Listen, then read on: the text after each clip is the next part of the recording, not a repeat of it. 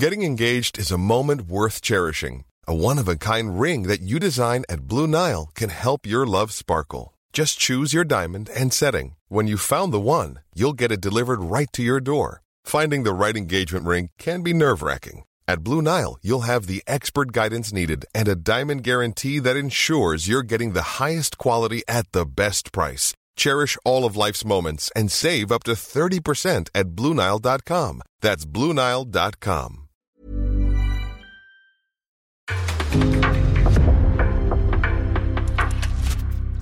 En podcast från Aftonbladet.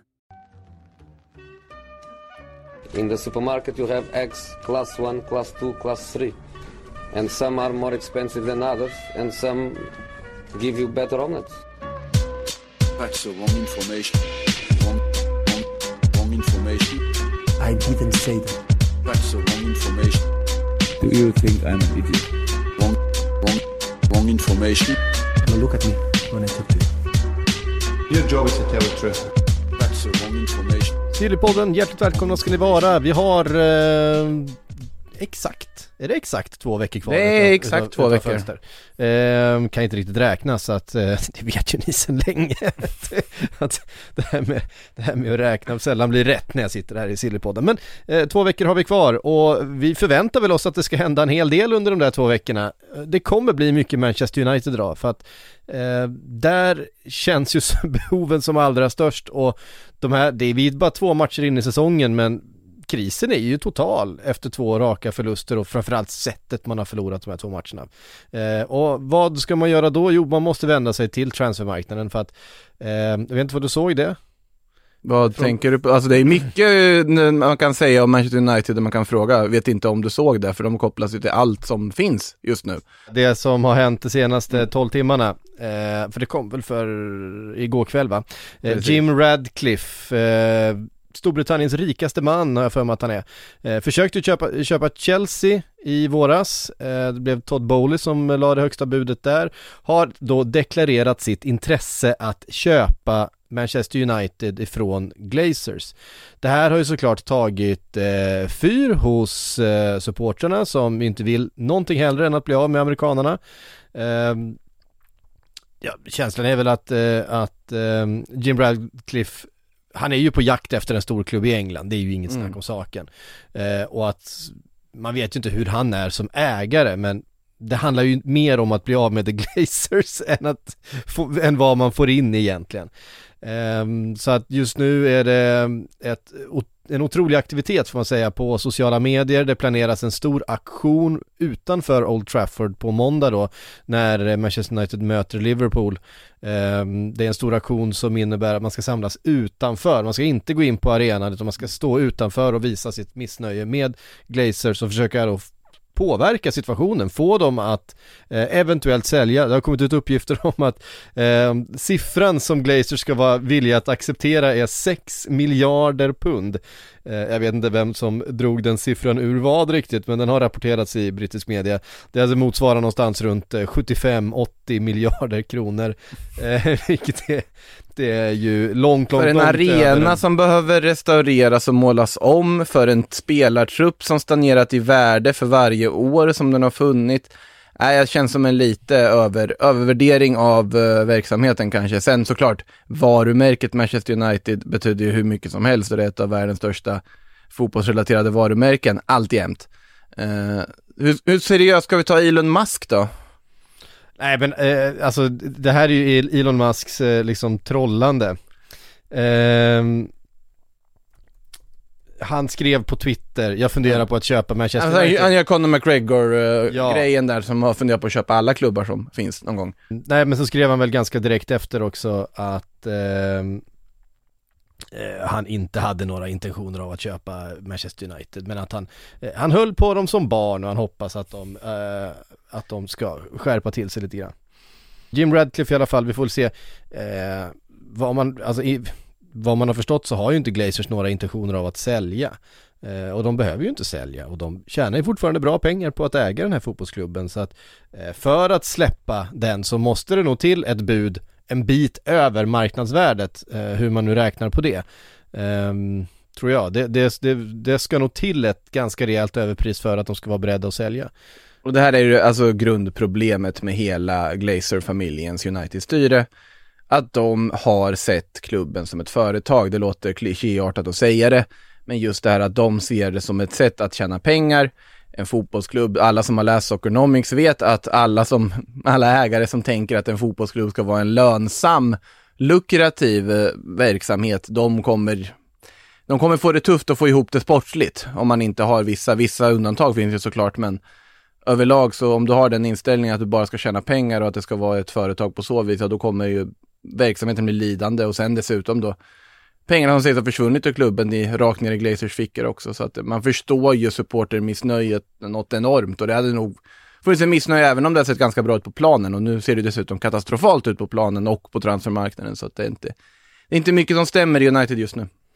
Eh, nej det är det inte och mm, det är ju framförallt på transfermarknaden som eh, problemen har varit så mest uppenbara. Och då pratar jag inte bara nu utan jag pratar om de senaste åren. Eh, det har ju kommit uppgifter om att man, eller uppgifter, det, det kom siffror på att eh, man slår ihop de 20 senaste värvningarna som Manchester United har gjort så är det egentligen bara två stycken som kan betecknas som, som faktiskt successful. Eh, som, är det den här var... Eh, Sky Sports-grafiken ja, du tänker på? precis. Eh, och det var Bruno Fernandes och Zlatan var de enda två som fick egentligen godkänt av de senaste liksom, årens värvningar i, i, i Manchester United. Det, det, är ju ett, ett enormt underbetyg. Um, det, fann, det fanns ju vissa, vissa värderingar där de hade väl någon som var lite såhär orangefärgat och ja, lite som var rött. Och där vilka som låg på orange, att Lindelöf låg på rött och Maguire på orange, det kan man ju verkligen diskutera. Ja, det... Eh, och det fanns väl lite viss Englands-bias så att säga där, men eh, överlag, det säger oavsett vart man placerar spelarna så är det ju uppenbart att transferfilosofin inte överhuvudtaget har fungerat. Nej. Och någonting som tydligt inte fungerar är ju när man sitter i det här läget med två veckor kvar av transferfönstret, du har haft en hel sommar på dig, du har haft klart med din tränare relativt tidigt ska vi ändå säga. Att Erik här blev ändå någorlunda tidigt klar, han har fått tid på sig att bygga ihop det här laget. Man har värvat tre spelare, eh, varav, ja den ena som kostar väldigt mycket, det vill säga Lisandro Martinez, redan nu pratas om att han inte håller, håller måttet och är för kort och så vidare. Eh, så att ja, de är ju i en jättekrissituation och det kom ju uppgifter från The Telegraph som gör gällande att man vill ha fem värvningar eh, innan det här fönstret stänger. Alltså fem ytterligare värvningar, en högerback, två mittfältare, en ytter, en anfallare och dessutom verkar man ju titta efter en andra målvakt och ett komplement till David de Gea. Så att de har ganska mycket att göra de här sista dagarna och vi kommer ju gå in på några av de här namnen som, som kopplas till United nu också. Um, Ja, och men det är också, det säger ju någonting om den här sommaren som United har haft. Man har gått från eh, Frenkie de Jong till Rabiot, vi var inne på. Eh, eller har vi pratat om? Ja, nu är det ju kört med Rabiot. Ja, nu är det kört med Rabiot. Eh, till Casemiro. Men det som framförallt är, det som framförallt är så här, Casemiro är väl eventuellt den bästa fotbollsspelaren utav de här. Men det är ju tre helt olika mittfältare, det, det, det, det är tre helt olika spelartyper. Jag vet, alltså... Det är tre helt olika profiler. Det är som att man inte har en, ja men en, en mittfältare, sådär, centralt mitt på banan som kan spela. Men, alltså, de spelar på helt olika sätt, de har helt olika roller, de har helt e olika egenskaper. Eh, så har man varit ute efter en Casemiro typ och tittat på eh, Frankie de Jong och eh, eh Rabiot de har gjort ganska dålig scouting. Är man ute efter en Frankie de Jong typ och ska köpa Casemiro, då får man ju inte heller spela den. Alltså vad, vad är planen här egentligen? Jag tror att planen är att man egentligen vill värva två mittfältare. Och att eh, beroende på vad som händer med olika budgetar och så vidare, ja absolut, prioriteringen var från början, vi vill ha Frankie de Jong. Det var ju tydligt. Nu börjar man väl inse att det kommer inte bli av. Det kommer inte bli någon Frankie de Jong. Det är därför vi får alla de här rykten om annat nu. Eh, kommer från att vi har släppt in att Casemiro ska vara main priority i resten av det här fönstret. Och vi kommer in på Casemiro här, för det är nog många som tänker och undrar lite om, men varför skulle han vilja gå till United? Jo, vi, vi kommer in på det och det stavas pengar bland annat.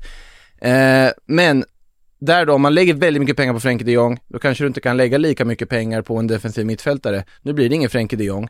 Rabiot var ett budgetalternativ, men han krävde samma lön som Bruno Fernandes. Det vill säga, nej, det, det är inte aktuellt. Man skrattade ju åt hans lönekrav. Och det är ganska intressant att man hamnar där Alltså, efter man... Det är klart, det, alltså Adrien Rabiot. Han är ju liksom, om det är något han är känd för så är det ju helt orimlig självbild och alldeles för höga lönekrav. Det var ju därför han fick lämna PSG en gång i tiden.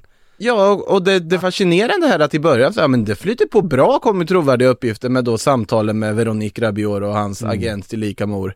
Eh, och sen bara plötsligt kom nej det har kraschat för de krävde nu ja, 10 miljoner euro i årslön. Eh, eller vad det nu var för någonting. Och det, det var ju inte riktigt aktuellt. Eh, och sen att man skiftar då till Casemiro, ja det framstår ju som väldigt underligt alltihopa vad de nu har tänkt, men då antar jag att man skiftar till Casemiro för att man då inser att okay, nu har vi större budget att lägga på en defensiv mittfältare. Eh, och att man kanske då, sett till hur den här säsongen har inletts, också har vänt på tanken att men det kanske är trots allt den här positionen vi behöver. Om det är så så är det helt sanslöst om man inte har insett det tidigare. Eh, men ur all den här liksom brist på stringens och brist på tydlighet och Långsiktighet, idé planering. och tanke. Ja. Jag tycker ändå om man skulle betala ett hutlöst överpris för Casemiro, vilket det skulle bli. eh, Det är, nu är det ändå trovärdiga uppgifter från både spanskt håll och engelskt håll som gör gällande att det här kan bli av. Och det pratas ungefär 700 miljoner va? Ja, alltså United ska ha erbjudit 60 eh, miljoner euro. Ja. Real Madrid säger nej, vi vill ha 80. Man kan räkna med att de landar runt 70. Man- Det blir, kommer bli, det kommer bli 74. Man vet att 71.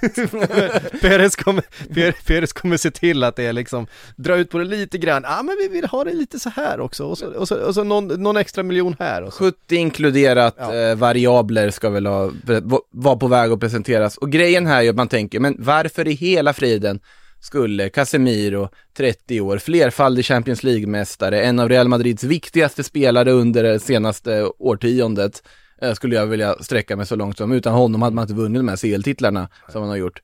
Varför i hela friden skulle han gå till Manchester United och spela Europa League? Nej men så här är det ju, Casemiro har ju varvat fotbollen. Eh, han har ju, han har ju vunnit allt. Ja, han har inte vunnit VM, men det Han spelar ingen roll vilket lag du spelar i då. Ja. Men han har ju liksom varvat den europeiska klubbfotbollen med Real Madrid. Mm. Eh, han har vunnit, han har tjänat massa pengar. Ja, alltså att gå till en klubb som Manchester United, eh, tjäna otroligt mycket pengar, eh, hur gammal, han är 30... Han är 30 tre- punkt. tre- 30 prick. Ja, få det här sista stora kontraktet. Ehm, jag kan se det, jag, alltså, eh, hade man varit 30 och inte vunnit den här, men kanske haft, man, man kan ju definitivt ha Casemiros status och hans kvaliteter och förmågor, men inte ha alla de här troféerna hemma i, i, i kammaren. Ja, då tror jag inte, jag tror faktiskt inte att man, man överväger det på samma sätt, men har man vunnit så mycket som Casemiro har gjort med Real Madrid, då kanske det spelar lite mindre roll. Och då kanske man kan köpa att, ja men jag kan spela Europa League och så kanske vi försöker kvalificera oss och sen eh, får man testa Premier League, det är ändå liksom den största ligan, det är en av världens absolut största klubbar såklart. Eh, ja men jag kan se utmaningen liksom. Han ska erbjudas dubbelt så hög lön som han har i Real Madrid. Ja. Och det säger jag också, det, det är svårt att tacka nej till det. Han får ett femårskontrakt pratas det om. Vilket också 2027. är liksom unheard of för spelare över 30 egentligen. I alla fall i Real Madrid med Florentino Perez som, som styr. Ja, ja, ja. Eh, där man, sentimentalitet, det, det finns inte så mycket plats för när spelarna kommer upp över 30. Om man inte heter Luka Modric och går med på ett års förlängningar per år hela tiden. Och det är dessutom det mittfältet som han har spelat på med Modric, med Kroos, är ju på väg att liksom växlas ut. Det är en ny generation på gång. Det kommer vara någonting annat att spela i Real Madrid om ett par år än vad det är nu. Ja, men passa på att ta den här löneboosten, dra till Manchester United, få ett äventyr till, få en liga till. Eh, försök varva fotbollen eh, på en lite svårare, på en lite högre det svårighetsgrad. Eh, Det är, vi går från easy till medium. Ja precis, jag byter från, ja. Nej men det intressanta här också är just att det är, alltså väldigt trovärdiga spanska uppgifter kommer det ju om just det här om det. Alltså när Marca breakade det här om Uniteds intresse, det var ju José Felix Diaz som skrev om det, en av de mest trovärdiga eh, transferjournalister, det har varit mycket rapporter från trovärdiga håll som är gällande Casemiro överväger det. Sen också ur Real Förlåt, Madrids Förlåt, perspektiv. jag måste bara rätta mig. Det är att gå från easy till impossible i svårighetsgrad att varva fotbollen med Manchester United just nu. jag, Just vill, nu. jag, vill bara, Ja. jag, vill, jag vill bara få Det är viktigt, det är legendariskt på Fifa, eller ultimat eller vad svårighetsgraden heter. I alla fall, Ja. eh, att Real Madrid ser ju kanske det här som en skänk från ovan. De har lagt en miljard på Chouameni som är tänkt som ersättare på sikt. Man vet att man vill slussa ut med tiden. Man vill gärna behålla Casemiro. Real Madrid blir ett sämre lag utan Casemiro just nu. Men kommer du någonsin hamna i ett läge där du kan få 70 miljoner euro in för en 30-åring och liksom flytta på honom och få in så pass mycket pengar som de kan möjliggöra saker framöver. Det är tveksamt.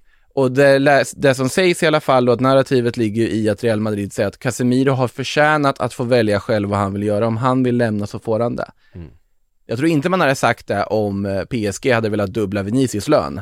Eller om någon annan velat dubbla Benzemas lön. Såklart. Eh, men här kommer det ett passande läge och Real Madrid är också, även om de alltid säger vi är klara, så säger de alltid också vi är klara förutsatt, alltså för stunden, som det här står sig. Nu kommer ett läge som är för bra på något sätt att tacka nej till för Real Madrid del. Det kan vara, det kan framstå korkat, alltså sportsligt med tanke på hur viktig han har varit och man inte vet hur Chouamenis acklimatisering kommer ske än.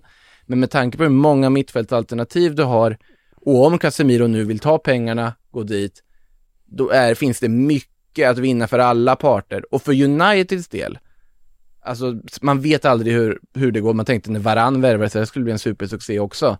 Men Casemiros egenskaper och få in dem på det här mittfältet, det kan vara precis vad de behöver. Och det är ju det här, det är ju den rollen och spelartypen som vi har pratat om i så många år Ja, men det här är ju en total skänk från ovan för United också, att plötsligt den här möjligheten dyker upp och man undrar om inte är Real Madrid som på något sätt pushat i, i skuggorna. För jag menar, när, när Mourinho tog in Matic till exempel så kände man, ja äntligen, nu får de ju in den här spelaren liksom. Men han var, hade ju liksom passerat sin, sitt krön eh, och liksom backen hade liksom sluttat för brant. Eh, han, han var ju aldrig den Matic han var i Chelsea, någonsin i, i Manchester United. Det gick för långsamt, han hade inte fötterna kvar liksom. Eh, så att även om man har vid ett par tillfällen liksom adresserat det här, typ, när Donny värvades in så ja men han kan nog spela, han kan nog spela som defensiv mittback, eller mittfältare, nej det är inte det han gör. Eh, och så hamnar man i Everton. Ehm, och nu är han tillbaka till United. och nu är han, nu är han tillbaka i, i, i United. Men, eh, eh, nej, men det, det är klart att det finns ett väldigt stort hål eh, defensivt på det där mittfältet. Eh, det råder ju ingen, ingen tvekan om. Och Casemiro är ju, ja, om inte den bästa, eh, så definitivt en av de bästa på den positionen här och nu i hela världen. Eh, så att jag menar, Men det där är är det en också, no-brainer liksom. det är också viktigt då att man red, det litar inte jag på att United kan göra heller just nu, men att man också har koll på att det här är en Casemiro som verkligen brinner för att spela United och inte bara vill samla pengar, satsa på sin lilla e-sportskarriär han sysslar med på sidan av och bara ja, semestra likt Sergio Ramos. Att de, de, att de får in en spelare som, är, som inte nu plötsligt kommer att tappa i nivå, då är det ju Florentino Perez masterclass all over again. Vi kommer, vi kommer se skyltar på Old Trafford där det står Brasilien, Counter-Strike, Manchester United. In that order. I, I den ordningen. Eh, han, har, han har lärt sig från Gareth Bale. Ehm, Alltså han ser så söt ut Casemiro, man ser de där liksom Insta-stories och bilderna när han sitter och ska gamea med sitt stora gaming-headset där och han kan ju se så otroligt söt och oskyldig ut Casemiro.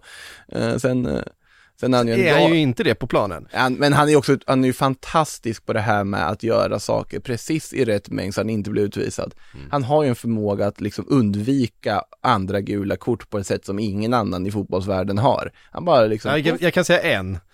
Fernandinho. Ja men alltså, ja men Casemiro är också Ja, det här han har- han att har så fort han har ett gult kort så försvinner han, han har inget tröjnummer något mer, alltså domarna ser inte vad han gör mer, utan han kan göra vad som helst va? Ja, men det, det är ju skillnaden mellan eh, brasiliansk shithouse och en argentinsk shithouse. För att Ja. argentinarna har inte den spärren. Det, de, det fortsätter i samma, i samma tempo. Argentinarna har mycket mer, eh, vad heter kreativitet dock. Ja, men också, också den förmågan att göra saker, eh, inte lika uppenbart våldsamt, men, men, eh, men, eh, men lika effektivt. Felipe Melo börjar jag tänka på från ingenstans, på tal om en riktig, riktig galning. Ja, nej men även Fabinho i Liverpool har ju den egenskapen att han, eh, han, kliver in och han, han får många gula kort men jag tror inte han har rätt, han har rött eh, sen han eh, kom till Liverpool. Eh, Nej, Casemiro vet jag att han blev defensiv mittfältare för att det var någon gång i någon, någon samband med någon så här ungdomsgrej och någon så här prov, provtestsak och han var egentligen en annan position. Så jag insåg, nej men jag kan spela def mitt och hoppade, hittade på det liksom och gick in och så visade han att det var helt fantastiskt där. Något i den stilen var historien i alla fall. Hej, jag Ryan Reynolds. På Mint Mobile, we like to do the opposite of what Big Wireless does. They charge you a lot, we charge you a little. So naturally, when they announced they'd be raising their prices due to inflation, we decided to deflate our prices due to not hating you. That's right. We're cutting the price of Mint Unlimited from $30 a month to just $15 a month. Give it a try at mintmobile.com slash switch. $45 upfront for three months plus taxes and fees. Promo for new customers for limited time. Unlimited more than 40 gigabytes per month. Slows. Full terms at mintmobile.com. ja. Eh, sen, Men vad, vad, ska man, vad ska Real Madrid göra? Vi spekulerar lite grann, det här är ändå Silver- Silverpodden, Mm. vi måste lägga ett pussel här eller eh, vad snarare- Real Madrid gör om, måste få en dominoeffekt. Vad gör Real Madrid om Casemiro försvinner? För som, du säger, de blir ju direkt försvagade om han inte är där. Ehm, finns det en rak ersättare i truppen? ja, Det gör det. Chouameni som värvades för en miljard. Ja. Eh, Kamavinga, Fede Valverde, Jag skulle faktiskt vilja säga att Alaba kan också spela där om, om det behövs. Ja, Men han ska ju tydligen spela mittback och Rydiger ska spela vänsterback så att det Jo, jo men, men om det behövs så, så kan ju faktiskt Rydiger spela mittback. Eh, Eller Alaba kan spela def mitt också precis. Så Ja. att, alltså, nej de kommer inte göra någonting. De kommer inte göra, de kommer lägga pengarna på hög och så kommer de eh, ta ett samtal till Borussia Dortmunds klubbledning och säga att den där Jude Bellingham tycker vi ser väldigt spännande ut i nästa säsong. Mm. Det är vad jag tror de kommer göra. Eh, de kommer inte stressa på något sätt. Eh, finns inte att de plötsligt ska hämta någon mittfältare. Alltså det pratas ju om Fabian Ruiz och grejer. Men jag tror inte att Real Madrid, det är ju inte i närheten samma spelartyp och det är ju inte i närheten någon du går in och ersätter Casemiro med. Jag tror att man nöjer sig med Chouameni och, och naivt tror att det kommer fungera med det material du har. Eh, sen om det är lyckat eller inte, det är en helt annan sak och men samtidigt, om det är någonting som Florentino Perez prickar ofta så är det att sälja i rätt läge och känslan jag får av det här, att det här plötsligt bara eskalerar i Alltså de här ryktena har eskalerat så pass till att det pratas om att det här faktiskt kan bli av. Det kändes som ett skämt först när man bara läste om att United ville värva honom. Uh, nu är känslan att det kan bli av, men det kan också visa att Casemiro säger, nej vadå, jag ska inte till United, vem hade trott det? Och bli kvar, och man sitter och skrattar. Uh, men det, det känns rimligt, det känns som att Real Madrid har planterat det här själva. Att de ser ett läge att plantera det här själva, för varför skulle inte United ha försökt någonting tidigare annars? Så inkompetenta kan inte United vara att de bara plötsligt inser, just det, Casemiro finns. De måste ju ha fått någon indikation på att det här är möjligt sent om sidor, annars skulle de ju aldrig ligga i det här läget. De kan inte ha valt eller så är det just det här att de tycker att det är ett överpris, de vill inte betala de pengarna och den lönen som kommer krävas, men nu har de hamnat i ett läge där de måste göra det för att få in någonting. Eh, på tal om Bellingham så kan vi säga det kom uppgifter från eh, eh, mail igår, Daily Mail, om att eh, Liverpool nu förbereder eh, att gå in tungt för, för Bellingham Det- till, det- till, till nästa sommar. Eh, även David Ornstein har eh, bekräftat de här uppgifterna om att eh, Liverpool jobbar på den, eh, den övergången De har här, gjort i- här, här och nu. Två, tre år jag på att Ja, men de har ju, kontakterna har ju funnits där men jag tror att man sitter med, med Dortmund Mm. och, och förhandlar den nu och det gör nog Real Madrid också. Real Madrid kommer vara där för det finns uppgifter på att han typ ska vara klar i spansk press också så att det finns ju alla möjliga olika Eh, det kommer att rapporteras om Liverpool, det kommer rapporteras om Real Madrid men det är de två som kommer slåss om Jude Bellingham, det råder ingen tvekan om den saken. Sen är det ju Alltså Liverpool-flytten är ju betydligt mer logisk för honom sett i den plats som är liksom vigd för honom i den, den truppen. Ja. Alltså hela Liverpools ju- bygge är ju byggt för att han ska in nästa säsong. Han ska ju också eh, under hela tiden i Tyskland ha varit inställd på en flytt hem till England igen efter eh, de åren där. göra en Jadon Sancho, men det kanske inte är eftertraktansvärt med tanke på hur det har gått hittills. Eh, nej precis, ja, det, det tror jag, vi, det, även att det har gått ett år så eh, tror jag det är för tidigt att, Jo, jo, eh, jo, jo, att ja. på något sätt sätta ett betyg på eh, Jadon Sancho, han, han är en fantastisk fotbollsspelare. Eh, och det kommer nog bli bra i slutändan. Ehm, Nej men det är väldigt spännande, han är, han är bara 19 år fortfarande Bellingham och han har liksom varit med så länge och har eh, det anseendet och den statusen han har i, i Dortmund också. Han är ju liksom deras viktigaste spelare här och nu med tanke på att Haaland har flyttat. Så är det. Så är det. Ehm, så att, och ehm, man ska också vara beredd då i eh, Liverpool att släppa Naby Keita eh, i sådana fall. Eh, för Nu pratar vi nästa sommar. nästa sommar, ja men för att han sitter på utgående kontrakt. Ehm, För du säljer ju inte Naby Keita nu. Nej du, du kan ju inte sälja Naby Keita nu. Ett så får du ju inte så mycket pengar för honom med tanke på att han har bara ett år kvar på Nej, kontraktet. du får något. Men du, du väljer att släppa en gratis alltså. Mm. Efter, ja. Ehm, så. Eh, yes, vi tar Vilket. United-namn ska vi ta nu? Vilket United Sergej? ja, alltså det är väl klassiska. Ja. Alltså vi får se, de ska, det ska ju vara, vi kan ju dra de namnen då. Det är ju en, eh, den skivan har ju liksom eh, stått och hackat sedan Ja. 2017. dyker upp ibland, uh, Sergej. Mm. Eh, det är ju, där har vi ju mer då en Frenkie de Jong typ, fast lite annan, annan profil naturligtvis, men en spelare som är lite mer offensivt lagd som, har varit väldigt, alltså om de skulle lyckas lösa Sergej och Casemiro till mittfältet, då har de plötsligt ett fantastiskt mittfält. Ja, verkligen. Eh, nu tror inte jag de löser båda. Men det, det är ju det Telegraph som kommer upp, just att de vill ha fem spelare. Och där har vi då ytterback så pratas det om Thomas Monier, eh, billig lösning helt enkelt, Barcelona vill ju ha honom också. Eh, mittfältare då Casemiro som vi pratade om, det pratar om Sergej Milinkovic Savic. Eh, ytter, där börjar det bli lite mer intressant eh, med Christian Pulisic på lån från Chelsea som The Athletic har skrivit om. Eh, känns bara sunt och rimligt i läget de har hamnat i. Kan jag tycka. Eh, Pulisic verkar vara öppen för flytten, men frågan är om Todd Bowley är öppen för att släppa sin amerikanske landsman. Eh, vi får väl se, han får inte så mycket speltid i Chelsea och den har ju konkurrerats bort där. Och sen har vi också Pierre-Emerick Aubameyang som eh, även, kanske primärt kopplat till Chelsea, men där är vi United ska vara intresserade för de vill ha in en forward.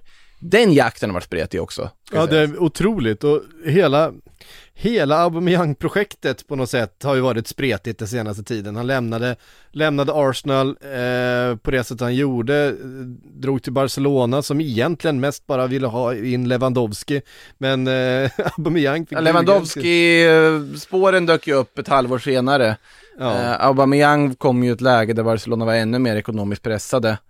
Nu är man väl, man vill behålla honom, men man inser också att om det kommer ett för bra bud så är det ju dumt att inte sälja, för du tog in honom på fri transfer. Du fick ju honom av Arsenal. Ja, han kom in på free transfer och han har inte kostat så mycket i lön sen dess heller eftersom han har en sån här stegrande lön som eh, Barcelona gillar att jobba med. Så det är klart, kan man göra sig av med en sån spelare tidigt så har man haft en bra spelare När han är- mycket pengar. När han är överflödig också, just Ja, ja eh, så är det ju. Sen så eh, är ju det lite oklart tycker jag vart man har eh, Aubameyang rent statusmässigt. Han är 33 år gammal. Det är en spelare som har levt mycket på sin snabbhet ändå. Han gjorde 11 mål på en halv säsong i ligan. Väldigt bra. Mm. Ehm, är han typen för Manchester United? Jag är inte helt säker. Jag tror att han hade ehm, haft större framgång, inte bara för att Chelsea är ett bättre fotbollslag här och nu, men det känns också som att ehm, ehm, jag vet inte, det känns som det skulle passa honom bättre. Honom Ja, och det- Så det ehm, Manchester United kommer liksom behöva gå tillbaka till basics på något sätt. Ehm, de, de behöver väldigt, väldigt hårt arbetande spelare i det här laget just nu känner jag. Eh, Det kanske inte är det som eh, Aubameyang i det här skedet av sin karriär är, bidrar mest med. Nej, han, alltså där sägs det också att han ska vara inställd om han lämnar Barcelona så är det Chelsea som gäller. Det är det som är prioriteringen. Och återförenat med Thomas Tuchel, de har en väldigt fin relation de två. Sen Dortmund. Ja, och Tuchel, eh, vi vet ju vad han tog fram hos Aubameyang. Aubameyang respekterar honom väldigt mycket. Där, på så vis så passar det mycket bättre i Chelsea. Uniteds anfallsjakt dock, det är ju otroligt oklart vad det är för anfallstyp de egentligen vill ha in. För det har ju varit snack om Alvaro Morata, det har varit snack plötsligt om Matteus Cunha, det har varit snack om Joao Felix dök upp också, man ska ha alla anfallare i Atletico Madrid. Griezmann har väl varit med på ett hörn som jag tycker egentligen skulle passa bäst, eh, sett i spelstil. Eh, vet jag, jag, det i alla fall jag tycker att det hade varit otroligt bra för Atletico. Sen, sen kan man ju diskutera alla dokumentärer och allt vad han håller på med och påhitt på så vis, men sett till spelstilen och hans uppoffrande, hårt jobbande stil så hade han varit utmärkt i det här anfallet tror jag. Eh, Men så, så dyker liksom Mauro Icardi upp på ett hörn som de har tittat på. Arnautovic minns vi ju som, när det pratades om honom också. Ja, du missade ju dem när du var på semester där, när Arnautovic var på väg till Manchester United. Det var... Ja, jag hängde med på den. Den var oerhört obegriplig och eh, väldigt underhållande. Eh, och hade de bara lagt bud så hade han ju kommit. Alltså, Om fansen bara hade varit tysta och inte protesterat Ja, öppet det- och korrekt mot det så. ja, det gjorde de ju rätt i. Nej, det är så Arnautovic, äh, de, de behöver ju ha in en, eh, en spel, alltså överlag spelarna som kommer in måste vara spelare som är beredda att, att eh, sänka huvudet lite grann och bara gnugga. Det hade väl i och för liksom- sig Arnautovic gjort tror jag. Fast nej, det gör han ju inte. Det han är ju skitbråkig. Han Jo, jo, men du kan- massa- du kan ju måste sänka ha, du måste, ja, men du måste ju ha någon som håller lite låg profil, tar jobbet, in, in och gnugga, var lojal, göra dina uppgifter. Det är som Cavani. ja, de, ja, men eh, det är ju precis som Cavani som de, som, som, som de skulle ha, alltså han är ju, det, det är precis det de ska ha. Ja, det är fan, det Ja, är någon, som, helt... någon, som, någon som kan hjälpa Ten Hag att genomföra sin fotboll, eh, någon som kan ta en instruktion, någon som kan, du vet.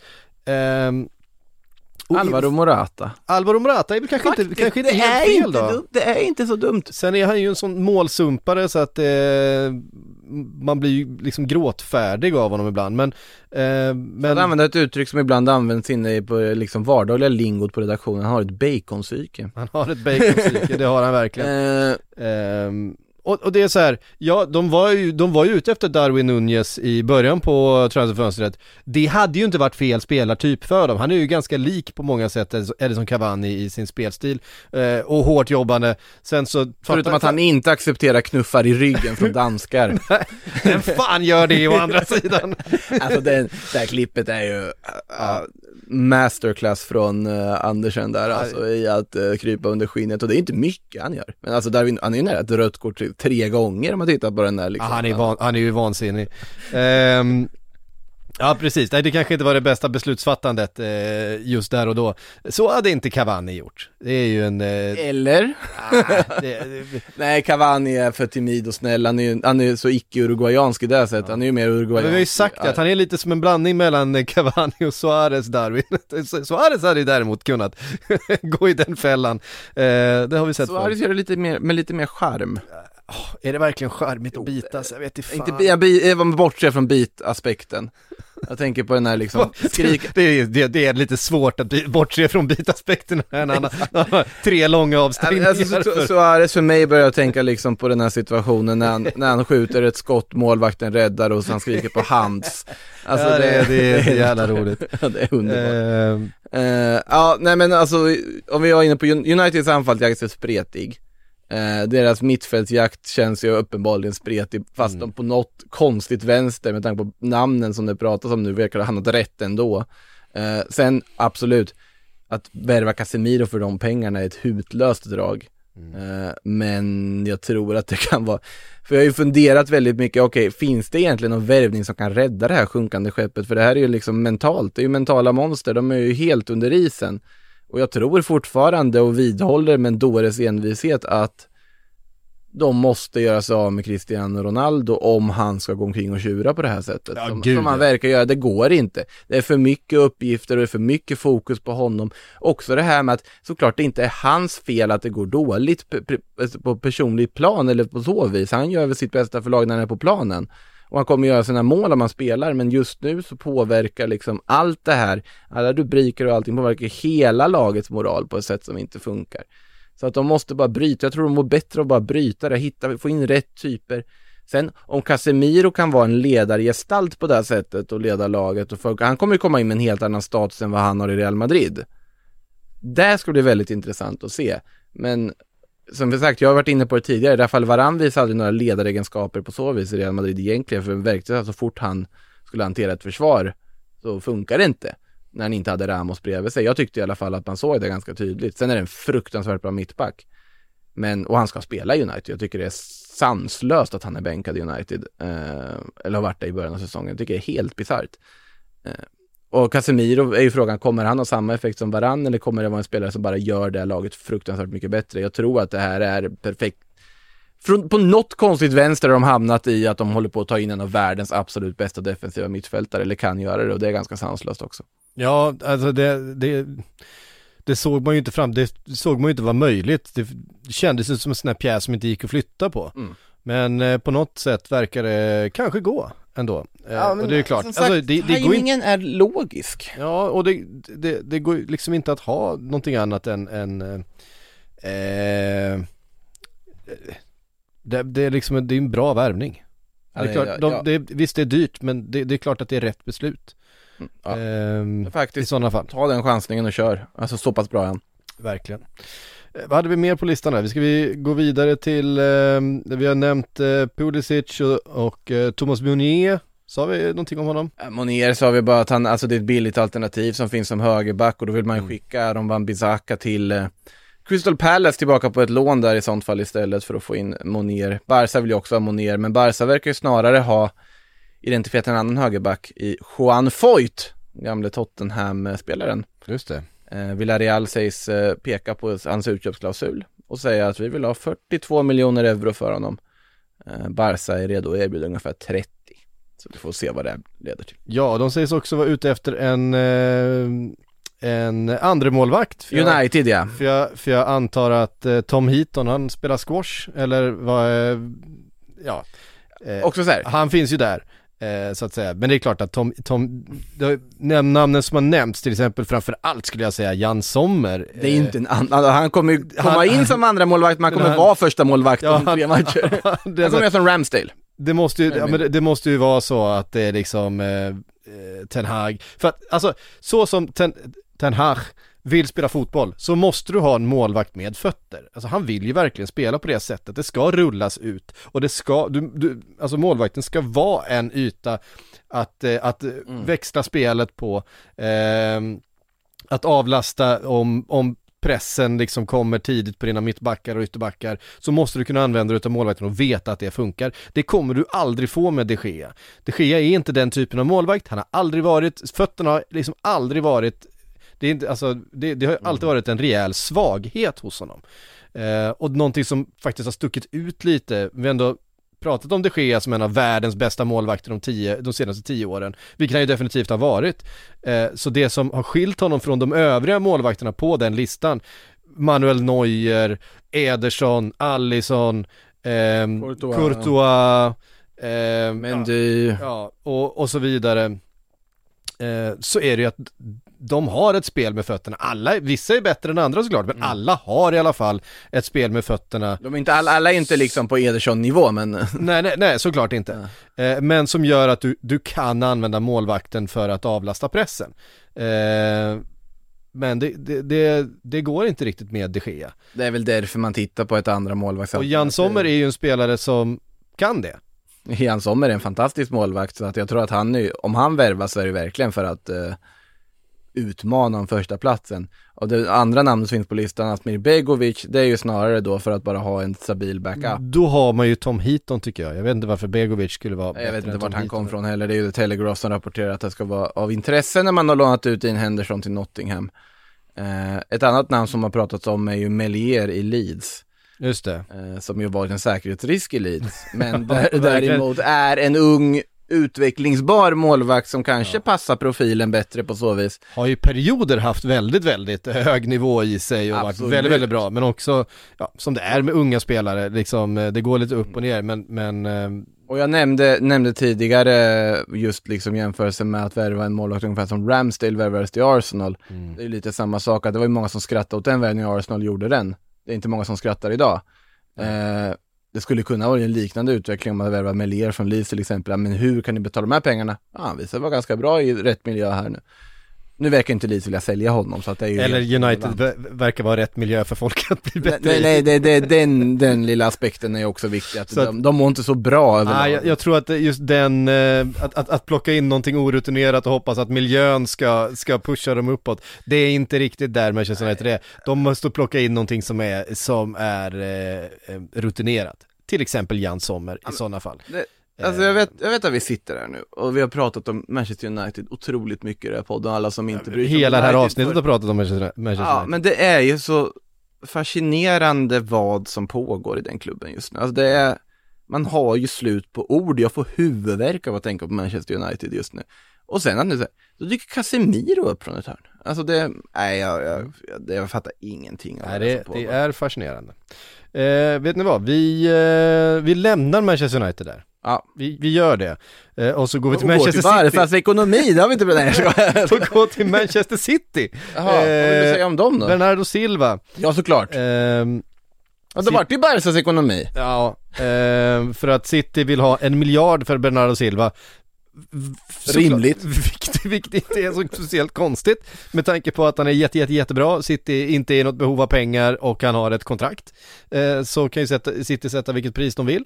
Eh, och det spelar ingen roll om, om eh, Bernardo Silva själv är sugen på att gå till Barca. Eh, City kommer ju inte bara skänka bort honom för mindre pengar. Vil- vilket spanska uppgifter rapporterade att de typ skulle göra.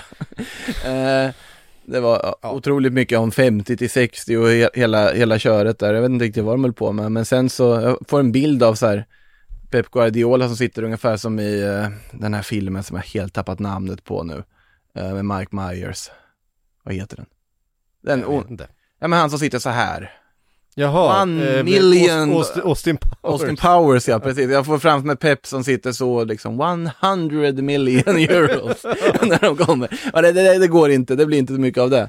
Eh, Nej, och det är också, jag vet inte vad det är så här Barca-pressen som bara förväntar sig att Pep Guardiola ska vara, du vet, eh, ska vara, ska vara en brors, brorsa här och liksom skicka spelare till, till, till, till sin gamla, till sin gamla moderklubb. Så funkar det ju inte. Ehm, Fast nu ska vi säga att Peppe också, eh, själv är ju en sån som bara, jo men om man vill gå så kan vi ju inte hålla kvar honom och då, vi vill bara spela som vill spela här. Och jag är ju ändå av åsikten att eh, City kan vara väldigt välfungerande även om de skulle casha in på Bernardo Silva.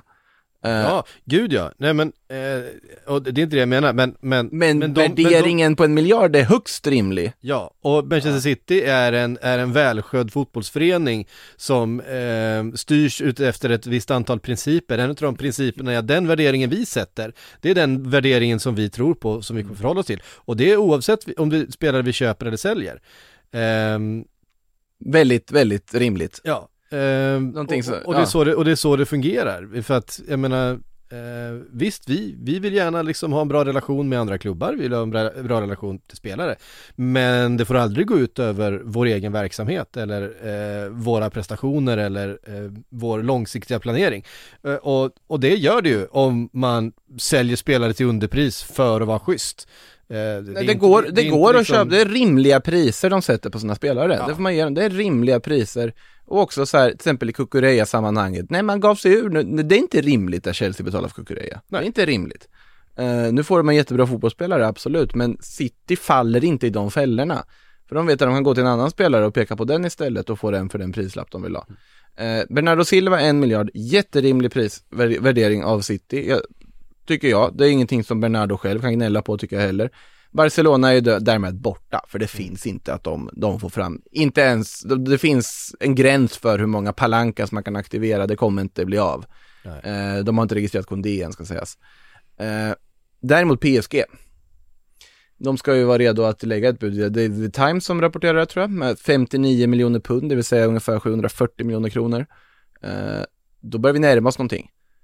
PSG har ändå alltså musklerna för att sätta sig vid ett förhandlingsbord med City och faktiskt komma fram till någonting. Bernardo Silva sägs ändå vara öppen för det, återförenas med Luis Campos, mannen som tog honom till Monaco en gång i tiden, som, eh, som är sportchef PSG nu. Han är öppen för hela konceptet att gå till Paris. Då kan det bli någonting. Så jag tror att PSG ska vi nog inte räkna bort i det här sammanhanget. För de behöver köpa fler mittfältare. Ja, tydligen behöver de det. Jag vet inte riktigt hur de har eh, resonerat med sitt truppbygge. På har- om på, PSG där det är så bra stämning också, eh, inte minst mellan storstjärnorna. De, eh, de är, trummar helt på samma linje, eh, Mbappé, Neymar och Messi. Det har ju skurit sig igen nu fullständigt. Jag menar, har du sett träningsbilderna från, eh, från PSG när, när Neymar vägrar då göra en övning tillsammans med Mbappé och en utav en, en utav fystränarna får liksom kliva in och bara ta händerna på och, och, och göra någon uppvärmningsövning för att Neymar tittar inte ens på Mbappé. Alltså, ja men... Eller nej- omställningen i matchen här om veckan när Mbappé inte får Precis. bollen och bara vänder ryggen och går därifrån. Um, grejen här också så här, problemet, eh, det var väl han franska journalisten Romain Molina som sammanfattade det ganska väl. Nej, problemet ligger inte i vem som tar en straff eller inte, för det var där de diskuterade också den matchen. Problemet ligger i att du har en spelare som bett klubbledningen om att sälja den andra spelaren utan att veta om att den andra spelaren faktiskt vet om att han har sagt det. Att det är ett sånt drama. Och mitt i allt det här så går Lionel Messi omkring och, och fyller år. Ja, och, och, och, och, och, tittar och undrar vad är det som pågår. Det var väl också uppgifter om att Sergio Ramos fick gå in och bryta ett potentiellt bråk också mellan de här två medla på något sätt. Så det är ju de här gamla... Det är ju uppenbart att födelsedagskalaset har klivit in i det skedet där mascaran har börjat rinna alltså för att det är, det är Eh, så, alltså, Mbappé ska vara isolerad från resten av gruppen nu, för nu har han ju blivit sportchef. Eh, ja, det är, jag vet inte vad de håller på med riktigt. Messi sitter väl mest och väntar ut i kontrakt och har lite, Messi och Neymar är ju kul på plan. De, de är ju i form. Ja, de, de, är, de trivs ju jättebra ihop. Ja, ja, de, de är ju jättegoda vänner. Det är Mbappé som har fått, eh, som sagt, megalomani. Mm. Det är vad det är alltihopa. Fan, vad härligt det är. Det, det, det, det, drabbar så många. Och Florentino har ju bevisligen då en poäng. Det lät som mest liksom bara syrligt att ja men det är ju Kylian Mbappé inte, det är inte den här Mbappé vi ville ha, att han har blivit en annan människa. Men uppenbarligen så ligger det visst, för Mbappé för ett, två år sedan, han hade fullföljt den här löpningen, han har inte bara gett Gud, upp och ja. hem. Verkligen. Uh, Galtier sköt ju ner det med att, ja men han har inte kommit upp i full fysik. Nej, det spelar ingen roll, det där är inte okej.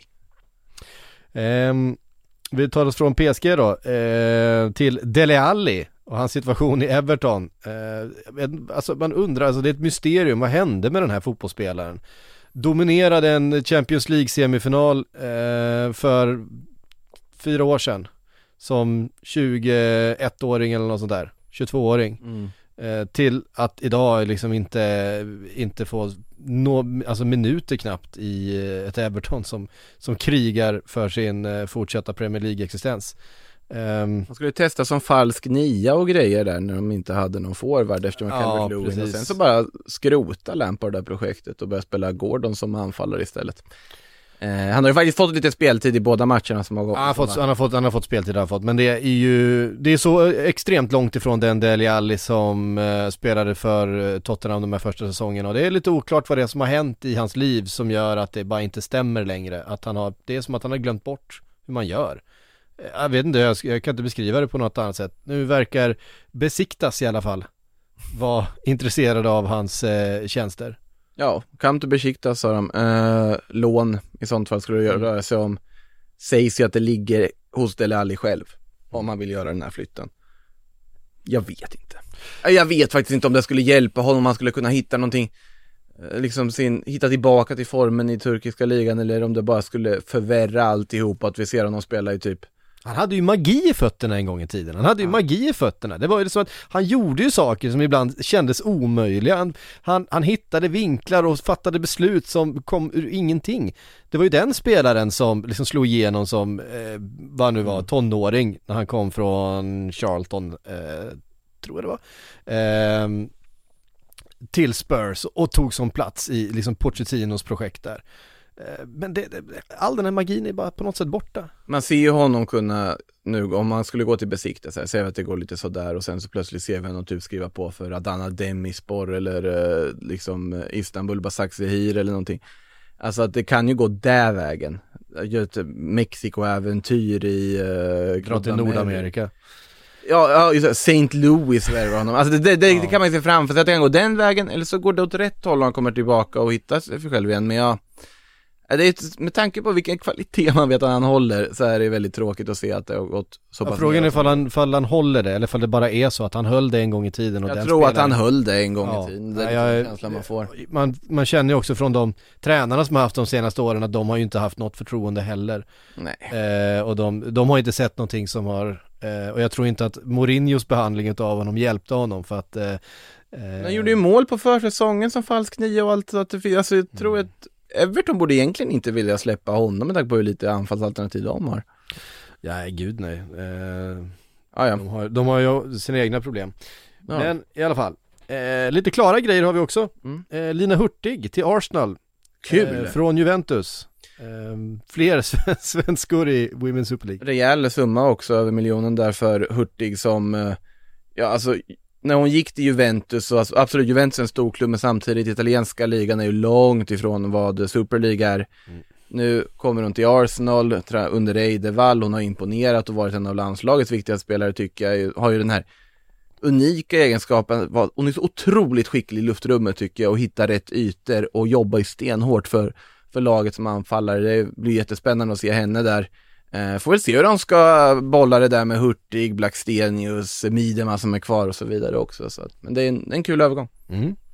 Eh, Giovanni Simeone till Napoli som eh, inte eh, blir ensam om att eh, kliva in där. Även eh, Raspadori och Ndombele ska vara på väg in där. Vi, vi har ju pratat om att Napoli har släppt mycket spelare och Ja, där har det verkligen inte funnits någon, någon tid för, för sentimental nostalgi. Eh, men lite spelare in i alla fall. det här är bra spelare in ska sägas också. Alltså, Cholito Simeone gjorde ju ändå 17 mål i ligan förra säsongen. En lån med obligatorisk köpoption, alltså en köpobligation då. Som han, han är ju presenterad. Eh, Raspadori ska vara klar också. Ska rapportera trovärdiga uppgifter. Sky Italia rapporterar det och, och Romano och så vidare. Det är många som tror på honom. Raspadori är ju italiensk landslagsman så det är inte konstigt om man tror på honom. Det är ganska rejäl pengar som Napoli betalar, 35 miljoner euro plus eh, bonusar har jag för mig. Eh, Ndombele på lån med köpoption på 30.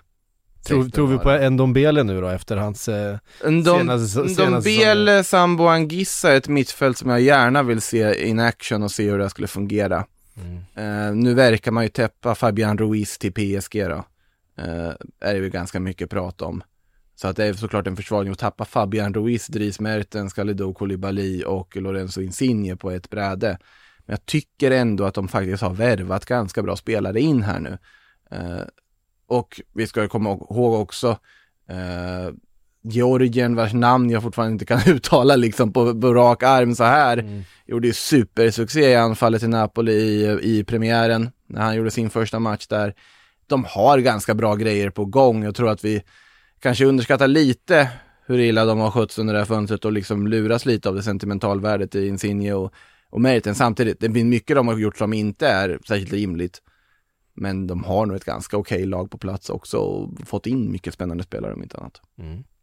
Eh, Mattias Nunez, en spelare som ju scoutats hårt av Liverpool bland annat. Det var mycket prat i sommar om eh, klar för Wolves, en halv miljard kostar han.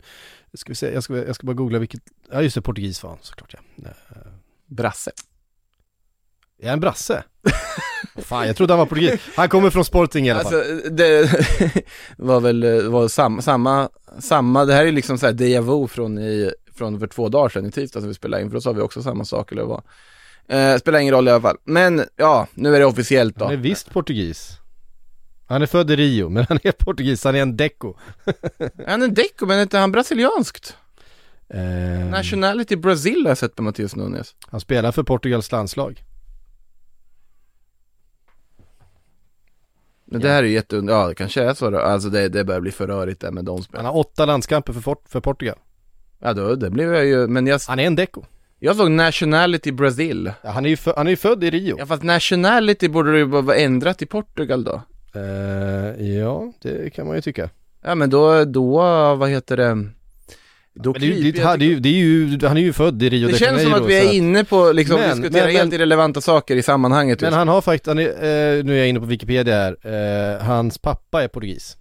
Eh, och hans mamma är brasse, så att han är 50-50, född i eh, Han Brasilien. pratar i alla fall portugisiska, det kan vi komma fram till. ja det gör han. Det är skönt. Eh, och med tanke på att han spelar Mateus för, Nunes. eh, eh, och med tanke på att han spelar för Wolves så måste han ju vara portugis. Ja, Något, är annat, sant, något annat vore ju helt orimligt. Ja det, det, det är sant, det vore orimligt annars. Ja men då, då kryper jag till korset Annars här skulle då. de ju aldrig köpa honom. Ja det är sant också. Jag kryper till korset. Eh, portugisen Mateus Nunes. Ja. Eh, nej det är ju Wolves dyraste värvning genom tiderna. Det är ju en jättebra mittfältare man får in och det är superkap. Pep Guardiola hyllar honom som en av världens bästa mittfältare i någon intervju någon gång här eh, relativt nyligen så att eh, Det är ingen dålig spelare de får in. Han dunkade in ett hyfsat mål här för Sporting i sin avskeds, var det avskedsmatchen eller var det, han hade spelat sen, ah, Jag visste ju knappt vilket land han var ifrån så du tror jag vet vilken match det var. Ja, no, no, någon av matcherna här på slutet som, eh, som vevades, han dundrade in en boll från 30 meter rätt upp i klykan. Eh, sånt, sånt, sånt kan han göra också. Nej men det är en, eh, det är en, det är en otrolig tekniker eh, och Eh, jättespännande spelare och det känns som att Wolves behöver lite kreativitet faktiskt på det där mittfältet.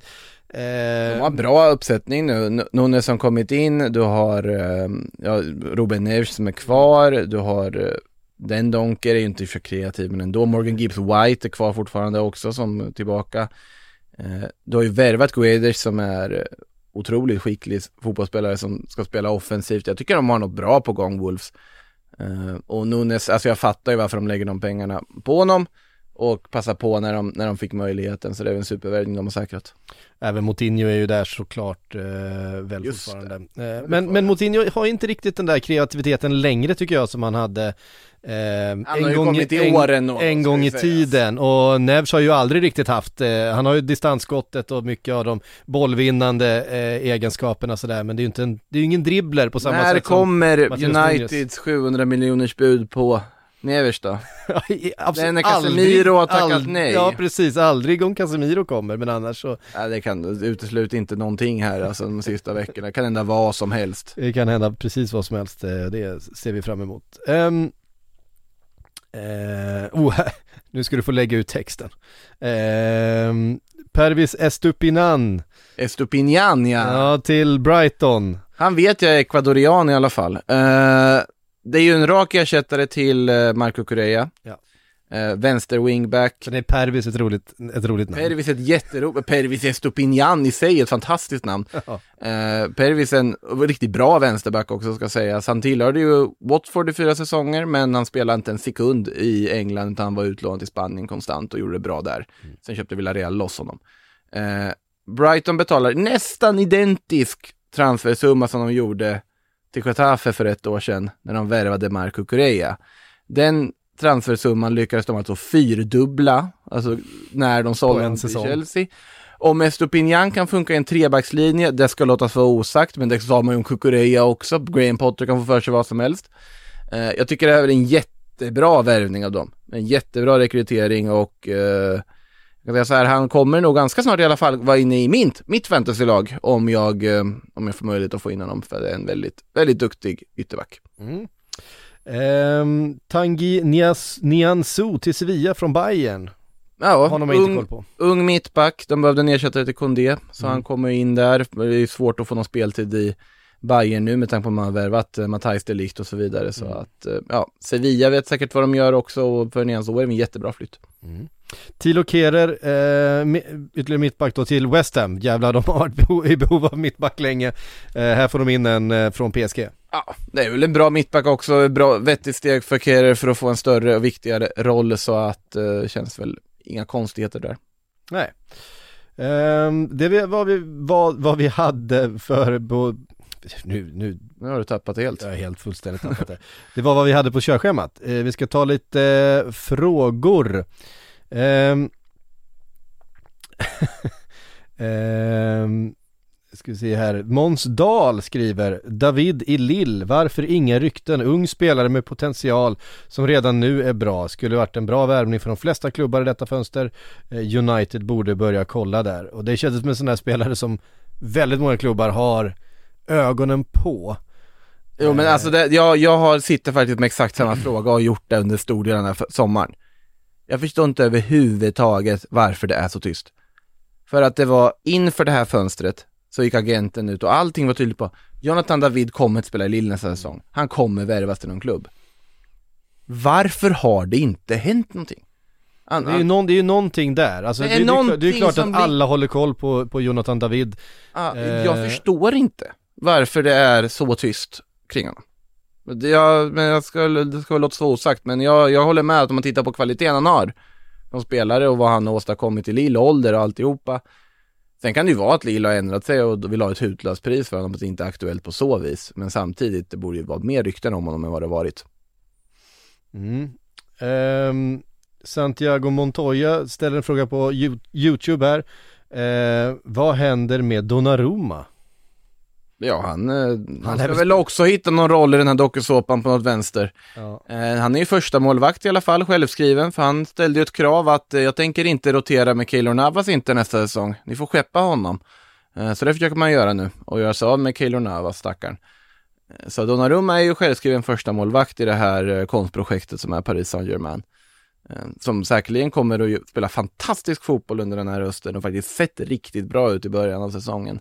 Men som sagt, det ligger och gror och konflikter finns. Och man vill ju verkligen ha en all or nothing PSG på, um, på Amazon eller vad som helst i en snar framtid. För det här är, det är otrolig underhållning just nu. Ja, verkligen. Eh, Hookif undrar, eh, Alain Sac- Saint-Maximin, han skrev bara ASM, men jag gissar att det är det han menar. Finns det något intresse för honom och vad ersätter Newcastle honom med i sådana fall? Eh, jag, jag, det vet, vi vet att det funnits intresse för honom, men vi vet också att Newcastle i den situationen de är har ju inget intresse av att sälja sin främsta kreativa spelare eh, i det här laget just nu. Nej, och eh, det skulle ju kosta för mycket för Ja, något lag att alltså- köpa honom. Eh, Newcastle samtidigt verkar intresserade av att köpa hela Chelseas bänk. Eh, vad är det? Pulisic, Hudson Odoi, Gallagher och Brocha. De vill ju ha samtliga fyra. Uh, vet inte om de det är något paketpris för det eller hur de har resonerat här, men det absolut, alla är bra spelare, alla skulle tillföra något eh, i Newcastle. Uh, så de är nog mer inne på att de måste värva in snarare än att uh, riskera att tappa någonting tror jag. Mittfält med eh, Gallagher och eh, Gimaresh. Det är, inte helt Och Joel Linton. Och Joel Linton där bakom. Mumma. Ja, det är inte fel. Det är väldigt, väldigt fint skulle jag säga. Ehm, här har du liksom en, en riktig stopper som han ju faktiskt har visat sig vara Joel Linton och så jävligt fina fötter där framme. Det kommer vara Ja, det är jätterimligt av Newcastle att gå för Gallagher tycker jag nu när alltså Madison-priset om de, kan, om, sprang de, iväg. om, de, om de kan få loss, eh, om de kan få loss Gallagher. Eh, vilket jag inte är helt säker på att de kan få men Nej, sen väntar man ju också på vart Lucas Paquetá ska hamna, om han blir kvar i Lyon eller om eh, någon klubb kommer värva honom. För han sitter och verkar ligga där som en sorts andra alternativ för väldigt många klubbar just nu. Det är också så här, eh, Gimaresh 24 år gammal, Gallagher 22. Du vet, Det är som bra ålder på dem. Eh, Åh, det, det, det, förstår helt och hållet varför de, jag förstår varför de jagar Pulisic också. Ja. Jag förstår varför de jagar Brocha för att de vill ha en till forwardsalternativ. Uh, jag kan förstå varför de jagar Callum Hudson och då med. Det är alla, alla de här spelarna som de jagar är spelare som är jätterimliga för Newcastle att jaga i det här läget. Fan. Va? De är så rimliga, de, de, Ja, du gillar de fattar bra beslut. Nej, jag vill att det ska vara, jag vill att det ska vara kaos i den typen av klubbar. Ja, så är det ju. Eh, Fredrik Larsson undrar, vad tror vi om Arsenal? Finns det något mer eller signar man Thielemans gratis nästa sommar? Man väntar nog in den va? Det är väl känslan just nu. Sen är det ju den här myst- alltså, mysteriespelaren. Det pratas ju hela tiden om att man har någonting på gång som ingen har skrivit om. Som ligger och puttrar bakom. Som man jobbar. De jobbar ju ganska effektivt och tyst när, väl när man gör saker, som Fabio Vieira fallet. Så jag tror absolut att det kan dyka upp något mer i Arsenal som vi inte riktigt väntar oss innan. Sen frågan vad och hur roligt det är. Eh, Men någonting kan nog dyka upp. Är känslan man får på det man läser i alla fall. Han skriver också här, eh, Jeremy Pino annars hetaste spåret den här sommaren. Mm. Jeremy Pino är ju till exempel en väldigt spännande sista rekrytering som Arsenal skulle kunna göra. Eh, nu har man ju börjat säsongen väldigt väl också och verkar vara ganska harmoniskt överlag så att, får vi se. Hörrni, det var allt vi hade att bjuda på den här torsdag eftermiddagen. Det blev mycket Manchester United idag, men det är ju vad det är. Ja, det blev det förra veckan också men det, de, ja vad gör de? Ja men alltså det är ju vad det är. Jag menar med, med, nu. med Radcliffe, med Casemiro och med allt annat och Ronaldo och så vidare. Det, är, eh, det, det kommer säkert bli mycket Manchester United nästa gång också. De hade egentligen behövt Daniel Radcliffe så de kan eh, trolla lite också. Förlåt, nej då fick jag in den också, nej nu, nu. Herregud. Eh, vi säger i alla fall eh, tack så mycket härifrån. Nästa vecka så är jag eh, på resande fot. Men, det, men Makoto finns här och Frida finns här också till eh, Premier League på måndag. Ja, eller i alla fall i ljudform. Ja, ja, hon finns inte här fys- fysiskt nej det stämmer. Eh, men vi säger i alla fall härifrån eh, på återhörande.